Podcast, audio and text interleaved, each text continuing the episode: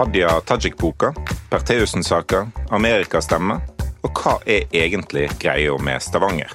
Velkommen til Noen må gå, en podkast fra Bergenstidene. Med meg i studio har jeg Jens Kiel. Hei sann, Albert Sveisan. Og eh, ved min side håper jeg, så har jeg deg, Eirin Eikefjord, politisk redaktør i mediehuset Bergens Tidende, en del av Skipsted-konsernet. Velkommen hit. Tusen takk. Hvordan eh, føles det å endelig være her hos oss? Det er veldig stort. Ja. Jeg har jo vært holdt utenfor dette sinnssykt gøye selskapet lenge. Jeg vet ikke om dere prøver å holde meg skjult for offentligheten eller de kule lytterne deres, eller hva som skjer, men her er jeg Ja. i hvert fall. Vikar for vikaren. Vi knebler eh, deg som kvinne, men nå nytta det ikke lenger. Vi kan jo si, altså For de som ikke kjenner deg, du er eh, fra Stavanger. Du er da politisk redaktør, eh, sjefen vår. Eh, du har eh, vunnet Riksmalsforbundets eh, gullpenn og sitter i ytringsfrihetskommisjonen til regjeringa sammen med Kjetil Rollnes, Mimmi Kristjansson og ca. alt imellom. Åssen gikk det her livet ditt, egentlig? Det tok seg opp etter at jeg kom meg vekk fra Rogaland, i hvert fall. Det kan jeg slå fast.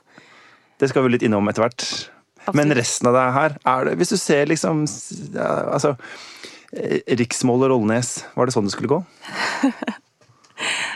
Ja, nei, jeg husker i hvert fall jeg hadde en, jeg har hatt masse livskriser, hva skal jeg gjøre med livet mitt, og jeg endte opp med å studere juss fordi at jeg ikke tørde å satse på at det gikk an å leve av å skrive.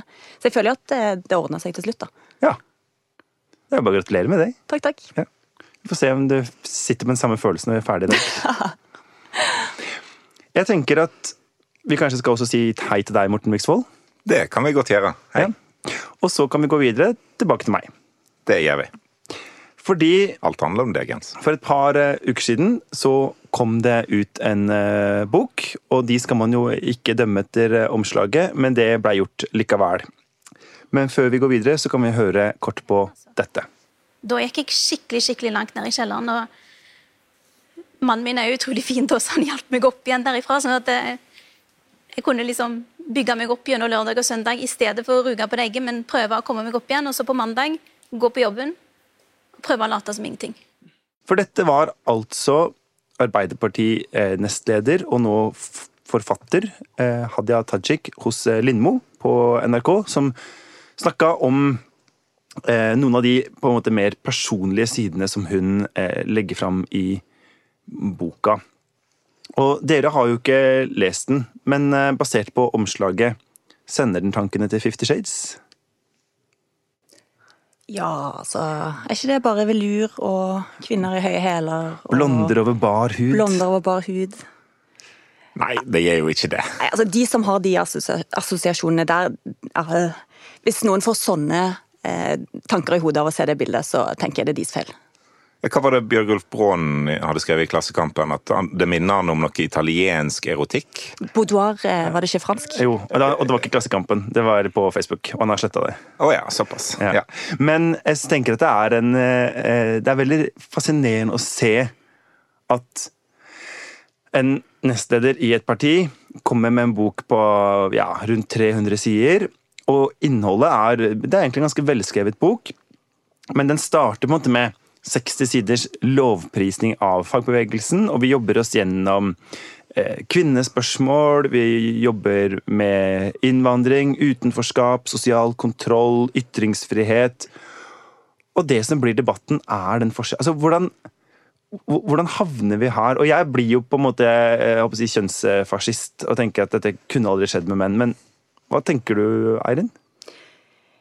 Jeg er enig. Altså, det er utrolig irriterende at dette skal handle om utseende. Hun skriver en bok full av innhold, full av refleksjoner, eh, og så handler det om eh, hva hun har på seg på forsiden. Men samtidig så syns jeg jo ikke det er så rart at folk lurer litt på hva hun vil med dette budskapet. fordi hun er jo en maktpolitiker, hun har åpenbart en plan med det hun vil signalisere. Og det går jo helt fint an å diskutere det omslaget uten å bli sånn seksualiserende og, og nedlatende. Ja, for Det er jo, det er jo et budskap i bildet, det, det tror jeg vi kan være enige om. Men at, at et fullt påkledd kvinne er seksualiserende, er jo litt spesielt å mene, tenker jeg. Men, men dette skjedde jo òg med, med Finlands statsminister Sanna Marin. Ung kvinne. Hadde et uh, bilde Det var et bilde som ble tatt av henne, der hun gikk tilsynelatende uh, ovenpå bare i en dressjakke. At du så ikke noe skjorte under eller noe sånt. Det ble òg en stor debatt i Finland. Er dette statskvinneaktig? Er dette akseptabelt? Eh, kan, hva er det hun vil med dette? Eh, som er en veldig, veldig sær, sær måte å reagere på. Og det er sikkert så mange som syns at Hadia skulle pakke seg inn i oljehjelm og vernejakke og vært veldig sånn peak Arbeiderparti. Men jeg syns det er egentlig utrolig kult at du tar et litt sånn oppgjør med den der pripne, kjedelige flinkisen som jo ofte blir sett på mm. som. For jeg får jo, Når jeg, jeg eh, hører på Hadia, så får jeg jo ofte lyst til å liksom riste litt i og bare sånn Vis hvor kul du er, da. Vis at du, du ikke er så prippen. Eh, ta litt plass. Og det har hun mm. gjort, og det er veldig kult. Ja. Nei, for jeg skrev en kommentar om den boka, og den eh, ble godt lest, var ikke det, men, men, den fikk på en måte ikke noe sånn oppmerksomhet, for dette var jo bare en helt vanlig kommentar uten For du bomma fullstendig på det norsk offentlighet var opptatt av. Den var ikke opptatt av hva som sto i bok. I Nei, det, de ville ha blonder over bar hud. Det var helt den debatten.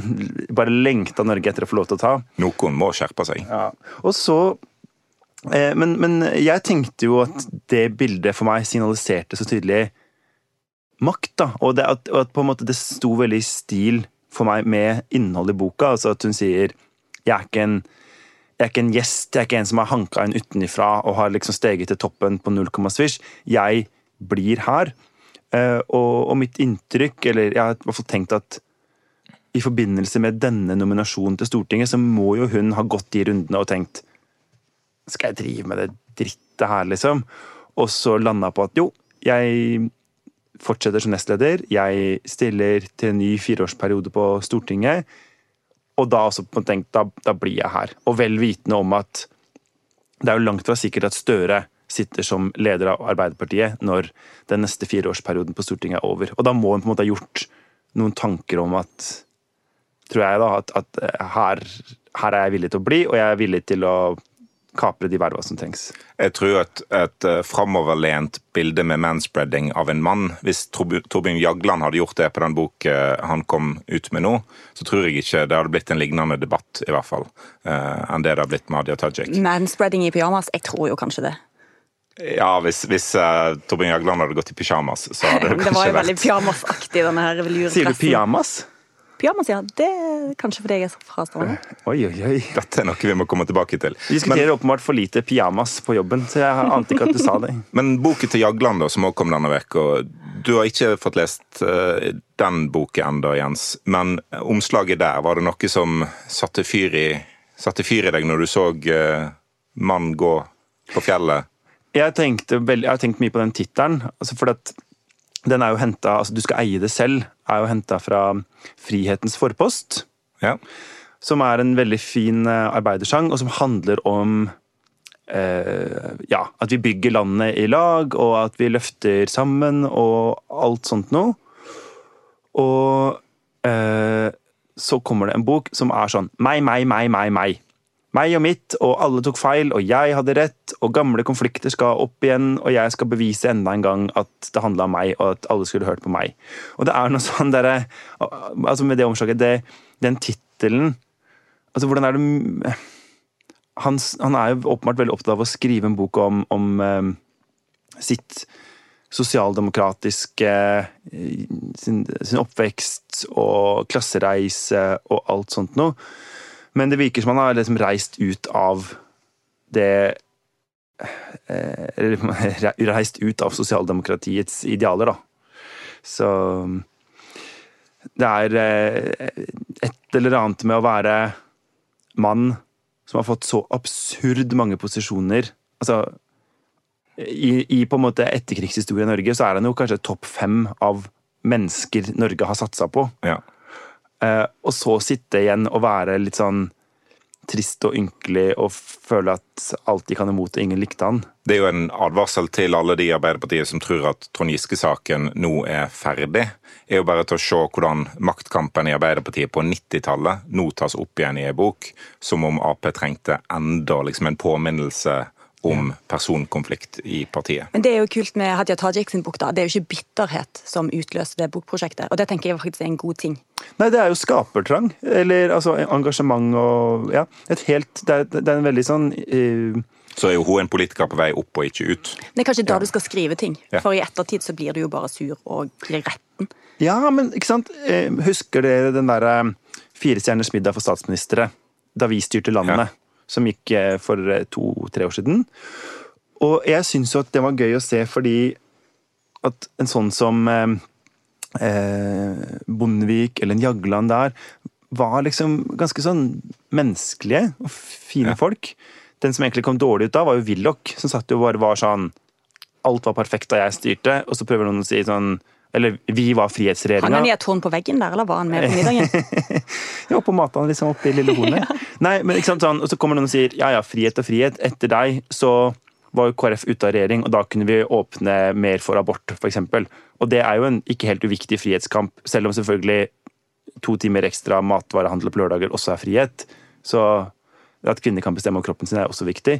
Og da var han bare sånn Nei, nei, nei, det nå, nå Liberalisering av bankene var hakket mer frihet enn abort, Ja. tydeligvis. Så han var liksom ikke noe villig til å fire. Han, han var liksom rett i valgkampen 87 uansett, da. Så, men det er jo kanskje bare sånn det er. Det er sånn vi skal bli, Morten. Det er sånn vi er på vei til å bli. Vi skal eh, videre i sendingen. Jeg betrakter dette først og fremst som et eh, angrep og en sjikane av norsk demokrati. Jeg er satt til å gjøre en eh, jobb for regjeringen og en jobb på vegne av demokratiet, og da er dette et angrep på demokratiet. For det jeg har vært mest opptatt av for tiden, er tidenes mest spinnville rettssak. Mot Laila Bertheussen, selvfølgelig.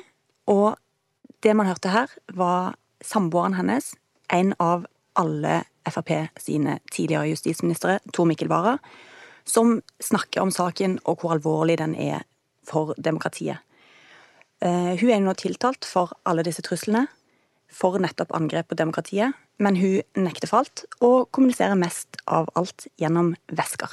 Hun har sydd selv. Men det vi hørte her, var jo Vara før Bertheussen ble uh, anklaga for disse truslene. For han har jo skifta litt syn på hvor alvorlig han så på, på truslene. Ja, det har, det har vært et veldig interessant skifte. Og han ble jo rett og slett anklaga for løgn i retten. Altså Det han sa under rettssaken, var jo eh, noe statsadvokatene rett og slett mener er eh, fordreining av sannheten.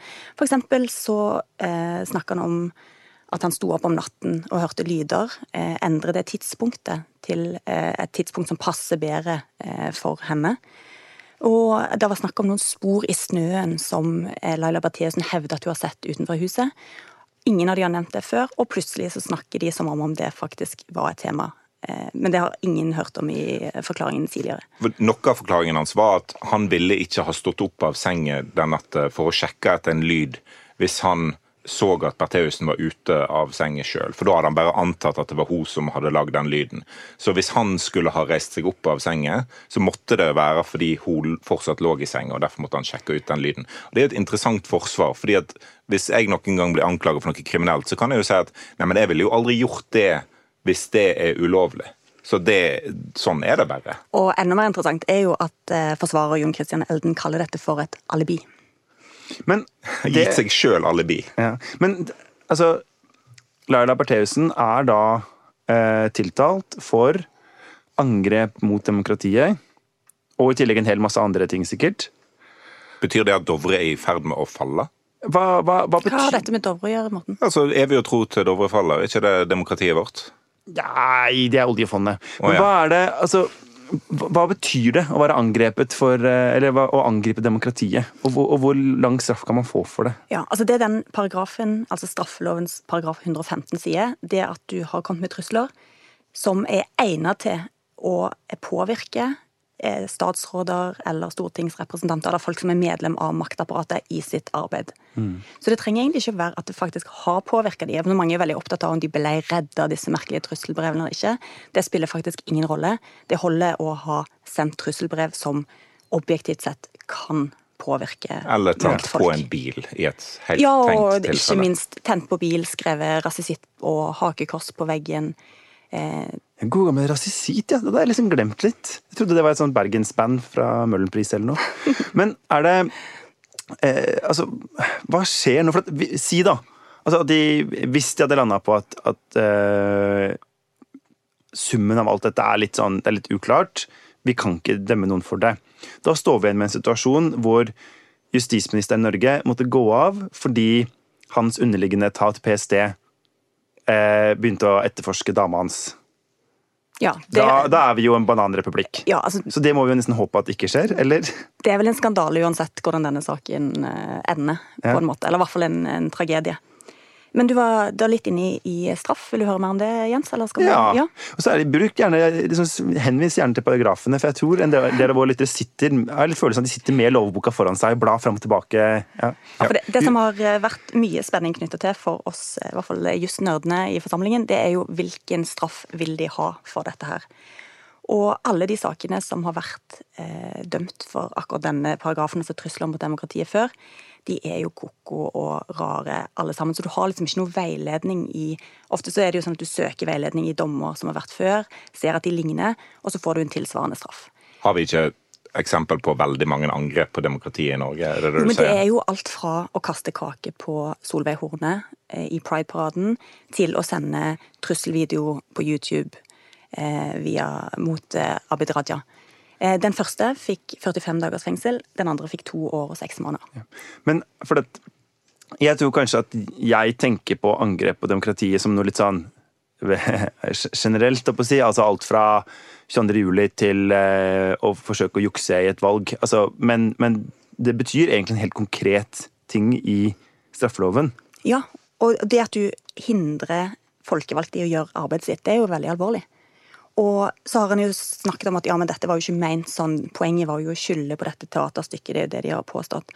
Men samtidig så er det jo alltid et snev av si, galskap i disse sakene. da. Altså, Folk som angriper statsråder og kongehus og sender sprøyter til Erna Solberg, eh, de gjør det jo eh, av en kanskje ikke rasjonell grunn.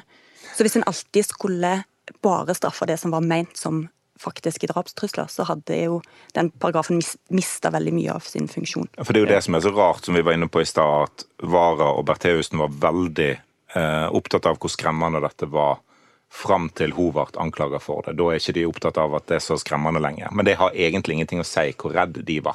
Det har ingenting å si. Nei. Og særlig det som er interessant, er at både Vara og Tybring-Gjedde prøver jo å fremstille seg som veldig sånn tøffe, og nei, jeg ble overhodet ikke påvirka av arbeidet mitt. Det var jo bare hun Persillebladet, Ingvild Smiles, Tybring-Gjedde som ble. Men den innsatsen er litt sånn eh, Det var ikke vits i å bruke så mye tid på det, for det spiller ingen rolle. Nei. Er det noe, noe annet som kan skje enn at Bertheussen blir dømt? Eller Sånn- blir hun Sånn som bevisene ser ut, så eh, Nå skal ikke jeg spekulere for mye, men så ser det ut som hun har en dårlig sak. ja. Men jeg har fått eh, høre gjennom hele rettssaken at det er egentlig ikke bevis, det er bare en rekke indisier. Ja, og det liker jo pressen veldig godt å si, fordi at han ikke har smoking gun, eller en har ikke tatt noen på fersken, eller en har ikke Skal du skylde på liksom dumme pressen da? Dumme pressen, ja, men det Å, herregud, Eirin. uh, Nei, men Som eh, går i takt der inne i Oslo. Oi, Oslofjordbotn. poenget med bevis er at de har forskjellig vekt. Sånn at alt de har lagt fram i retten, er egentlig bevis. Og så har de større eller mindre verdi. Altså, og så Noen av de er f.eks. dette med frimerkehefte, der to frimerker er fjerna fra et hefte, og tilfeldigvis har nøyaktig samme bilde, samme kutt, som de frimerkene som ble funnet på trusselbrevene, har jo ganske stor eh, bevisverdi. Det er kanskje noe av det viktigste. Og så er det jo et fyrtårn, og det er jo det Oslo Frp ønsker at Norge skal bli. Et patriotisk fyrtårn. Ja, og denne saken har så mange lag, og det er så mye metanivåer. og, og særlig Væskene, da, som er en annen av disse. Hun har jo et eh, stort kunstnerisk talent. Hun virket som en veldig vittig dame, faktisk. Jeg har så lyst til at hun skal begynne å lage merch for Noen må gå. Det tror jeg er helt mulig. Hun har jo faktisk prøvd seg på å selge de veskene, så dette tror jeg er en forretningsidé for henne. Ja. Hun kunne men kanskje hadde gitt oss denne tunnelsynvesken. Hun hadde jo en veske som var det latinske navnet for tunnelsyn, som hun eh, prøvde å kommunisere at eh, påtalemyndigheten hadde. Appellerer veldig til oss som en veldig fylkeskommunal pod. Veldig. Og så har hun hatt eh, en med en diagnose på. Ja, og den var jo kanskje den mest interessante sånn for oss som har lurt på Er det noe her, liksom? Er det noe her? Og det det sto på den vesken, var ICD10 301,5. Sier det dere noe? Eh, Ja, fordi ja. jeg har lest kommentaren din som blant annet beskrev hva det var. Men Har, du, har du lest det i en bok, eller har du vært der? Jeg har ikke vært i den diagnosen, nei. Nei. Men eh, ICD10 er i hvert fall en diagnosemanual for sykdommer og psykiske lidelser. Og 301,50 det er koden for en personlighetsforstyrrelse som heter histrionisk eller dramatiserende. Og Jeg vet ikke om jeg har fått den diagnosen, på noe tidspunkt, men når du leser hva den handler om, så er det ikke så utenkelig. Det eh, er f.eks. personer som har ekstrem søken etter oppmerksomhet, altså for enhver pris. De mistrives når de ikke er i sentrum av oppmerksomheten. De kler seg for å trekke oppmerksomhet. De har veldig teatralske og dramatiske uttrykk for følelser. Og hele liksom personligheten deres handler om å de er drevet av et oppmerksomhetsbehov som aldri tar slutt. Så jeg tenkte jo litt på deg da, Jens, når jeg leste om alt dette. det var liksom det jeg merka. Sånn, jeg fikk noen blikk i studio nå. Ja, ja for det er ikke så utenkelig at du har en liten histrionisk personlighetsforstyrrelse der. Hva var det du kalte Østlending heter det. det.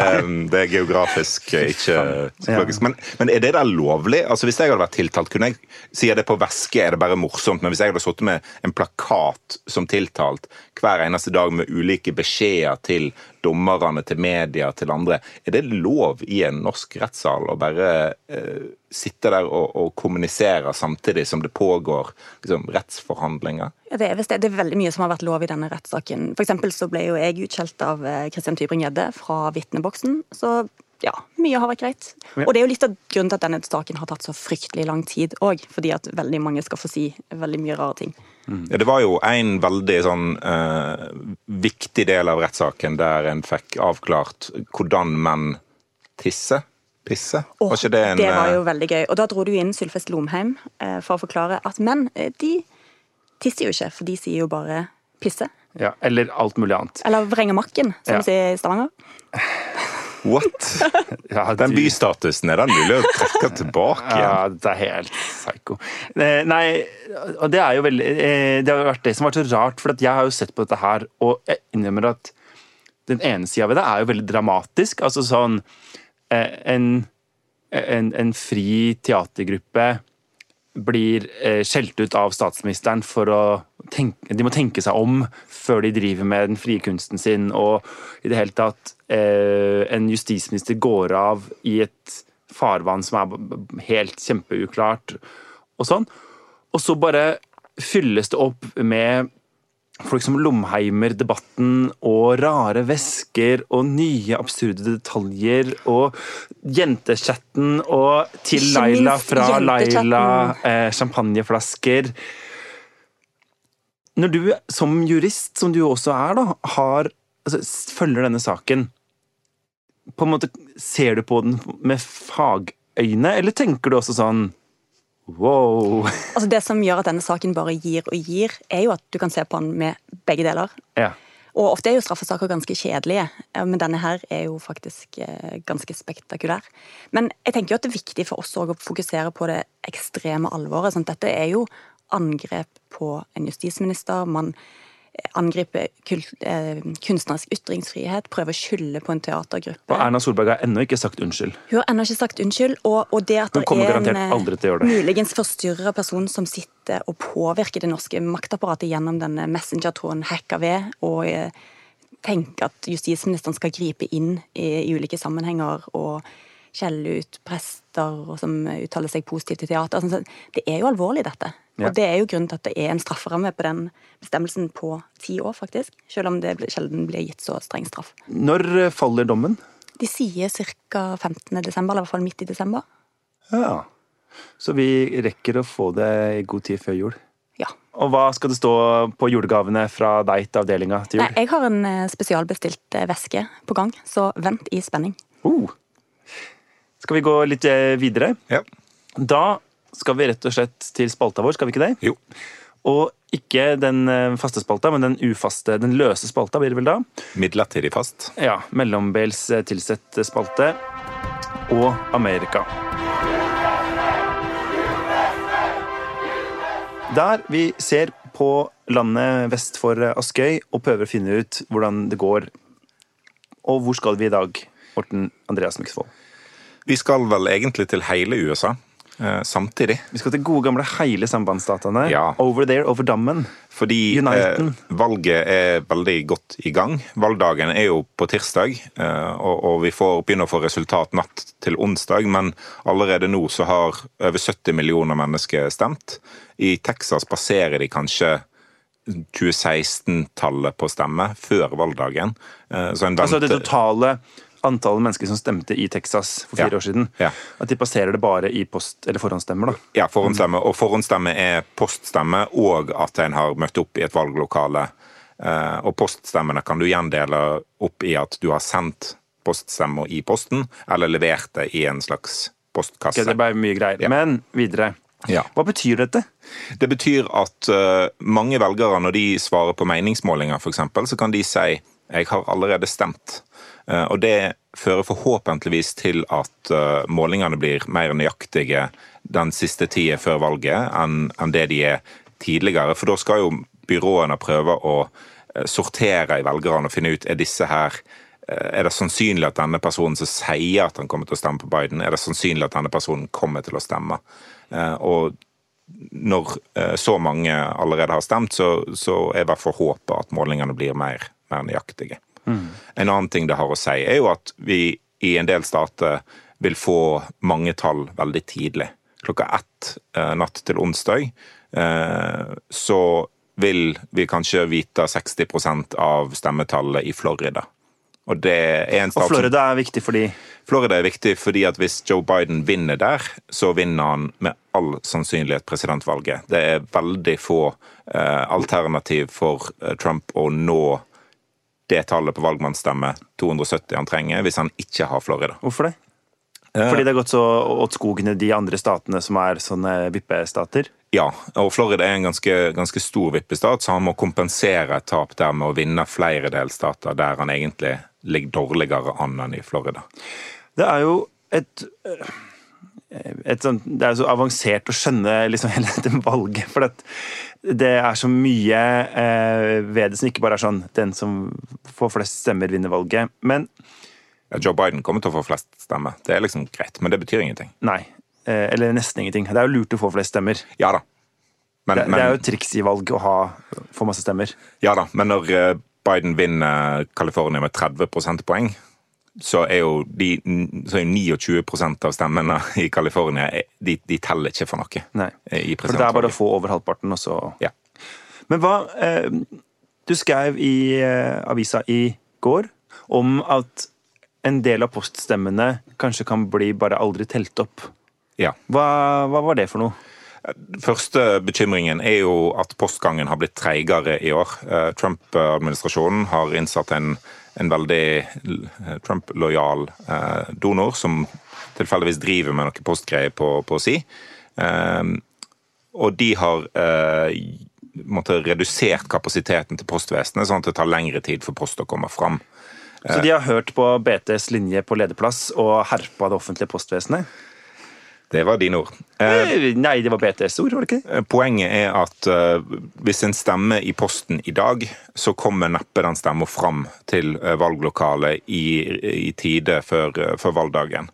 og da er det i noen stater så har de lov å telle stemmene etter, etter valgdagen. I Pennsylvania har de nettopp fått klarsignal fra Høyesterett at de, de til og med kan teller poststemme uten tydelig datostempel tre dager etter valgdagen. Mens i andre delstater så får de ikke lov til det. Så i Wisconsin, som en eh, vippestat Hvor ligger det hen? Eh, I altså Midtvesten, oppe ja. med de store innsjøene. Okay. Ja. Eh, der eh, har en ikke lov å telle stemme etter, etter, eh, etter valgdagen. Og sier det er klart flest demokrater som stemmer via post, mens republikanerne vil hovedsakelig stemme enten eh, ved å gå i valglokalet tidlig eller på valgdagen, så er det demokratene det går utover hvis mange poststemmer ender opp med å ikke bli talt. Men Hvis det blir en kjempekonflikt om dette, her, havner det i Høyesterett til slutt? Tror du det?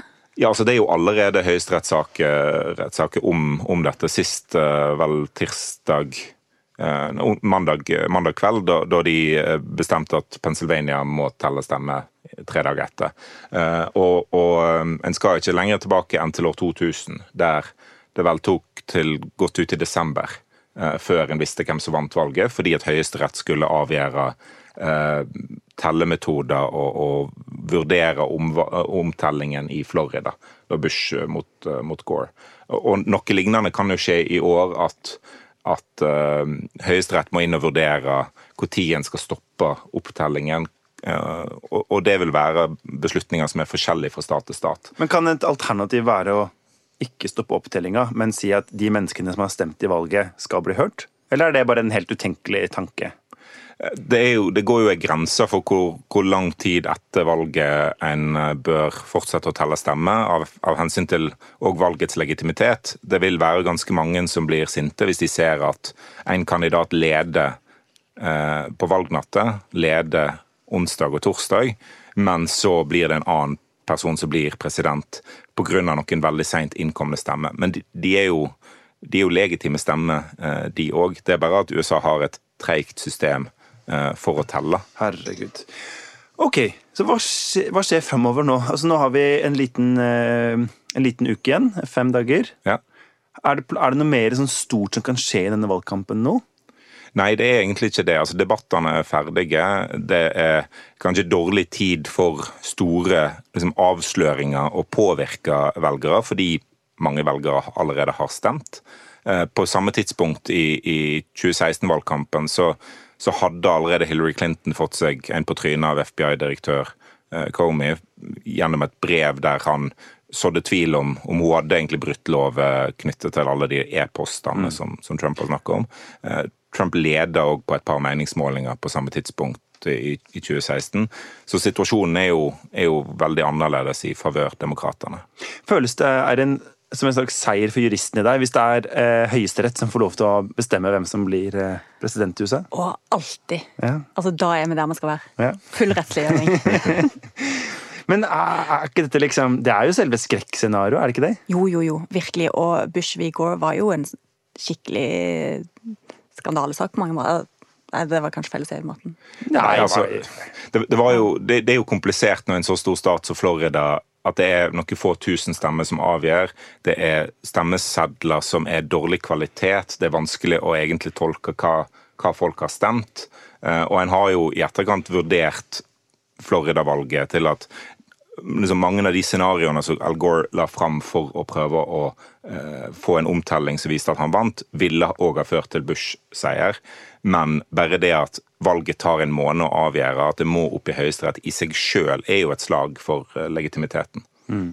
Men dette er jo rart, for sånn som i Norge så fant man denne postsekken oppe i Nordland med stemmer som man hadde glemt, eh, og som vel gjorde at Hanna Kvanmo røyk inn likevel, og det vippa hele høyre-venstre-resultatet, og, og, dermed så ble det Arbeiderpartiet i regjering. Altså, og det er jo litt sånn uh, så Det er ingen i Norge som sier sånn 'det burde ikke ha skjedd', eller altså, det, det, er bare sånn Sånn Stemmer skal telles. Ja, sånn er verden, liksom. Eh, og, og, alle Jeg tror hvis du spør på en måte folk på høyresida, så vil de si sånn Dumt å tape valget, men herregud det er dummere å pælme vekk en postsekk med ekte stemmesedler, liksom. Ja. Men i USA så er det jo sånn at hvis en ser at Oi sann, North Carolina blir plutselig veldig jevn uh, denne gangen, og det er en sjanse for at det kan ha noe å si for utfallet. Da setter uh, tusenvis av advokater seg på flyet til North Carolina for å drive uh, rettskamp og ikke valgkamp. Herregud. Ja, ja. Og vi skal vi kanskje gå litt videre, men vi kan jo spørre det som vi pleier. altså, Hvem er det som vinner? Det er stor sannsynlighet for at Biden vinner. Det er en god sannsynlighet for at demokratene overtar flertallet i Senatet. Og veldig stor sannsynlighet for at de holder på flertallet i Representantenes hus. Men det er, eh, det er ikke så mange delstater det skal snu i for Trump. Jeg føler jeg gjentar det gang etter gang. Han har fortsatt en sjanse. 538 regner den til å være 12 mm. Og 12% da skjer det jo innimellom eh, at en, eh, at en vinner. Ja. Hvem av kandidatene heier BT på på lederplass? Har vi tatt stilling, eller er vi nøytrale i saken? Det er mye gøyere med Trump, da. Ja, det er faktisk det. Som journalist, ja. så er det jo Nei. Det er jo mye verre med Trump. Alt er verre med Trump. Vi heier på Biden.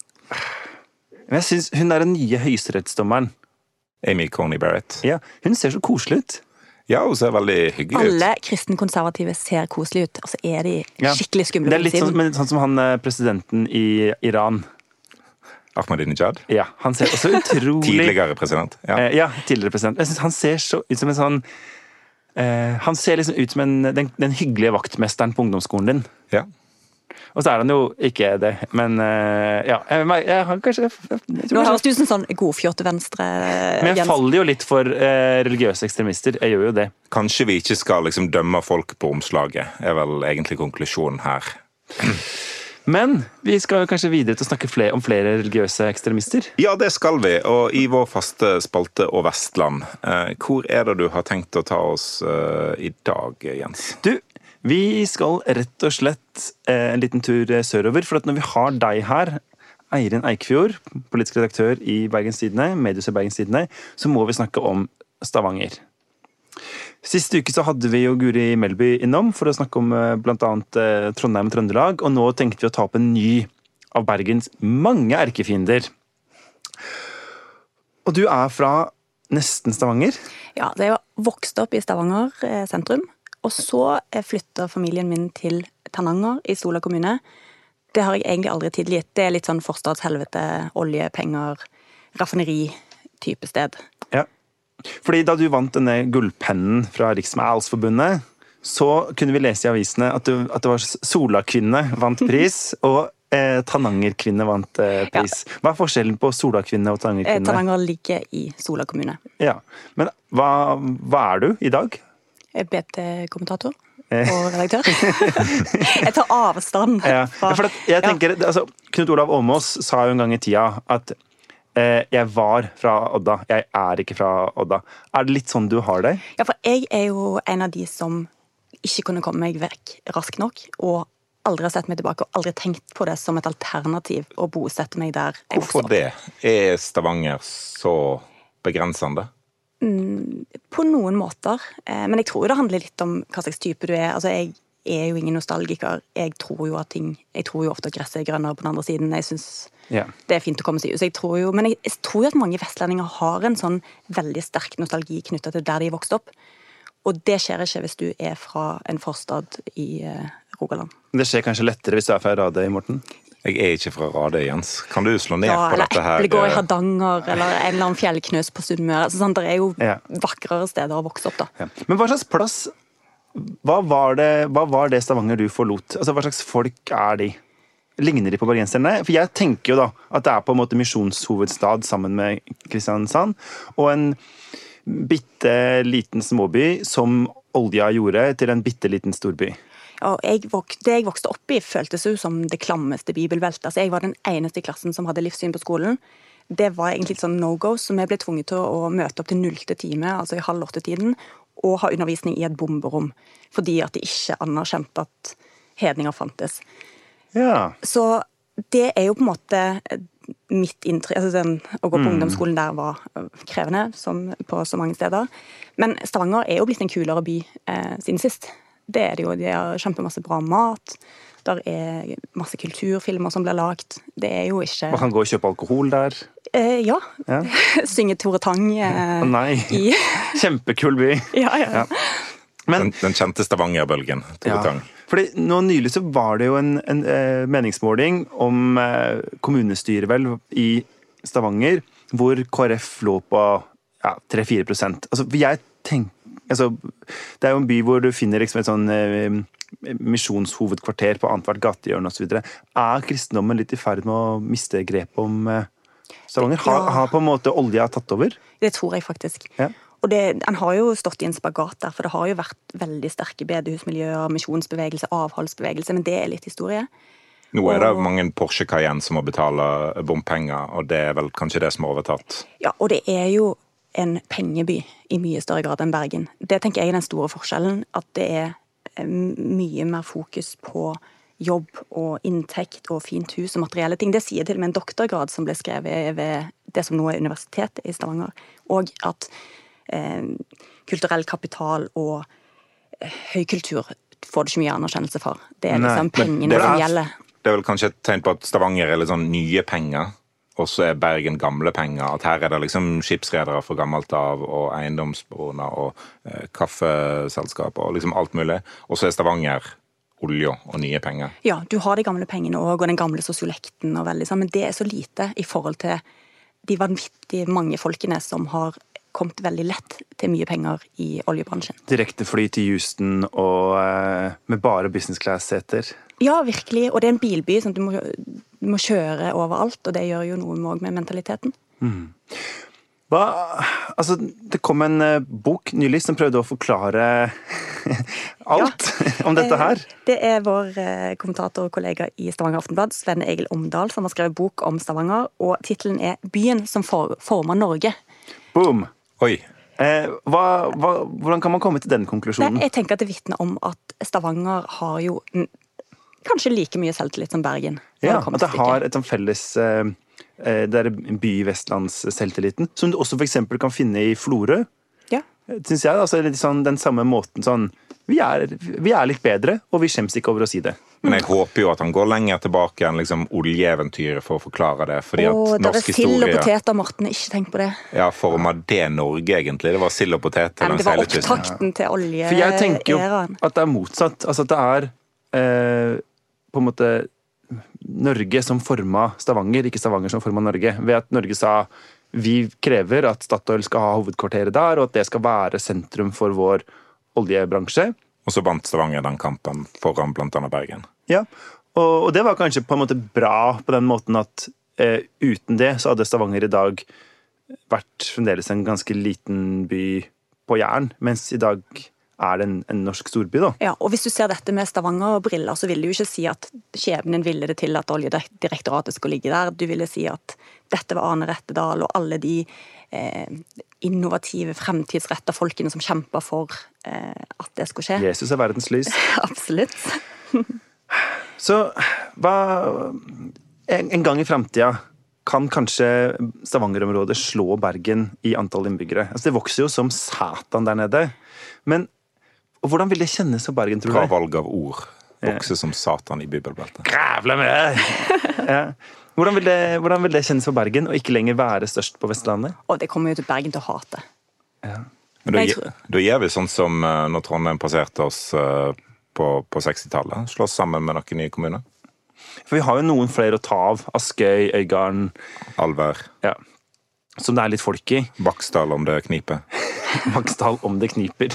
Det er nye slagord til Vaksdal kommune, faktisk. Eh, men er det en eh, eh, Altså, jeg opplever kanskje at, at Stavanger allerede ser på seg selv som Som på en måte liksom kulere Altså at liksom de ser til Bergen og tenker der uh, har de liksom en sånn nostalgi. altså Det er sånn, sånn Venezia, en sånn by som synker i havet. Mens Stavanger, det vokser, det skjer ting, det er masse arbeidsplasser, masse trøkk. Eh, Ja, jeg tror at eh, Stavanger seg liksom- liker å se på seg sjøl som en by som er vendt mot verden og USA. Men det gjør jo Bergen òg, så det er Ja. litt interessant at en egentlig kjefter på hverandre, men så er en ganske like. ja. Oi.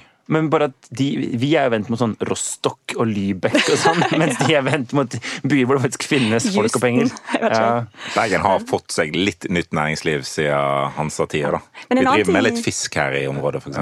Men en annen, annen ting som er litt interessant, er jo at Stavanger i likhet med Bergen også har ekstremt mange sånne ord, sine egne ord og uttrykk som en er veldig stolt av, og som Vrenga makken, var det det du sa? Det har ikke jeg brukt. Jeg har ikke Nei. noe makk, men det har jeg, det har jeg lest om.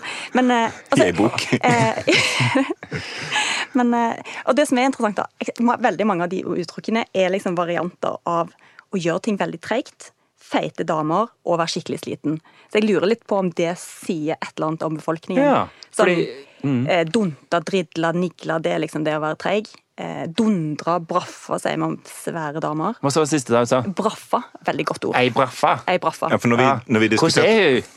Fru, Johansen er riktige braffa. Ja, men Lorca-blusen, tenk der. Ja. Det er Og liksom skikkelig fin bluse. Ja. For de av lytterne som ikke har hørt Mallorca-blusen, google it. Ja, eller vi kan legge det i gruppa. Det kan vi òg gjøre Ja. på Facebook. Absolutt. Eh, og segen og fesen. Man har liksom ganske mange gode ord òg for å være skikkelig utslitt. Så kanskje det sier litt om arbeidsmoralen. Mm. Men den gangen Ja. vi eh, diskuterte Bergensk orduttrykk, så var det mange ord for å drikke. Ja, Alt betydde å ta seg en dram. Det var min konklusjon. Eh, En liten pillehytt. ja. Så oppsummert det, du, altså, Din mening er at eh, du flykta fra et Stavanger som du aldri vil tilbake til, og du mener egentlig at Stavanger og Bergen er liksom to alen av samme stykke? Ja, på mange måter. Men eh, Bergen har eh, høyere kulturell kapital. Eh, Stavanger er litt mer har- harry pengeby. Men eh, det eneste som kulturelt har kommet ut av Stavanger eh, som folk husker, det er jo Tore Tang. Du glemmer at Stavanger og Sandnes var kulturby i 2008. Og da feira de med en kjempekonsert nedi Vågen der, hvor de spilte Tore Tang. Nemlig. Okay. Og Tirna Noir. Noir, kanskje. Tirna Noir. Ja, jeg vet ikke. Før vi avslutter i dag, er det noen som må gå denne veka? Tja, altså Alle de som eh, kritiserte forsida til eh, på Hadia-boka ut ifra en sånn blonder over bar hud-argumentasjon, De må gå. de må faktisk gå. Ja. Og så tenker jeg vel liksom at alle disse antidemokratene borti det her USA-et ditt, kanskje de må gå? De må nok gå. Jeg håper må kanskje Trump gå snart må gå, men det er kanskje litt tidlig å spå. Ja, januar, forhåpentligvis. Mener du det som privatperson eller som eh, politisk redaktør? Det kan vel mene på begge grunnlag. Ok, greit. Mener du det som Siddis? Ja. Mottakere av gullpenn til Riksmålsforbundet? Til tross for sin, sin kjærlighet til Amerika, så ja. For øvrig mener jeg òg at Stavanger må gå. Oi! What? Innspill og tilbakemeldinger det sendes til nmg snabel a bt.no eller i Facebook-gruppa Noen må gå. Vi kommer med en ny episode neste onsdag, kanskje? Ja, der lurer vi rett og slett på om vi skal smelle ut en eh, USA-postvalg uh, poststemmer-episode på onsdagen. Ja, Når vi veit noe. Ja. Eller ikke veit noe. Og jeg tenker at vi gjør som vanlig. Jeg sitter og spør Morten om ting jeg lurer på i en halvtime. Ja. Ja. Det blir moro.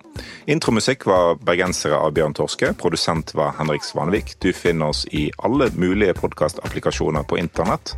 Lik og del. Ha det bra. Takk for deg, Eirin. Kan vi få lønnsforhøyelse nå? Du hadde ikke så slemme vitser, Jens. Du må prøve bedre. Ok, greit. Du har noe å gå på.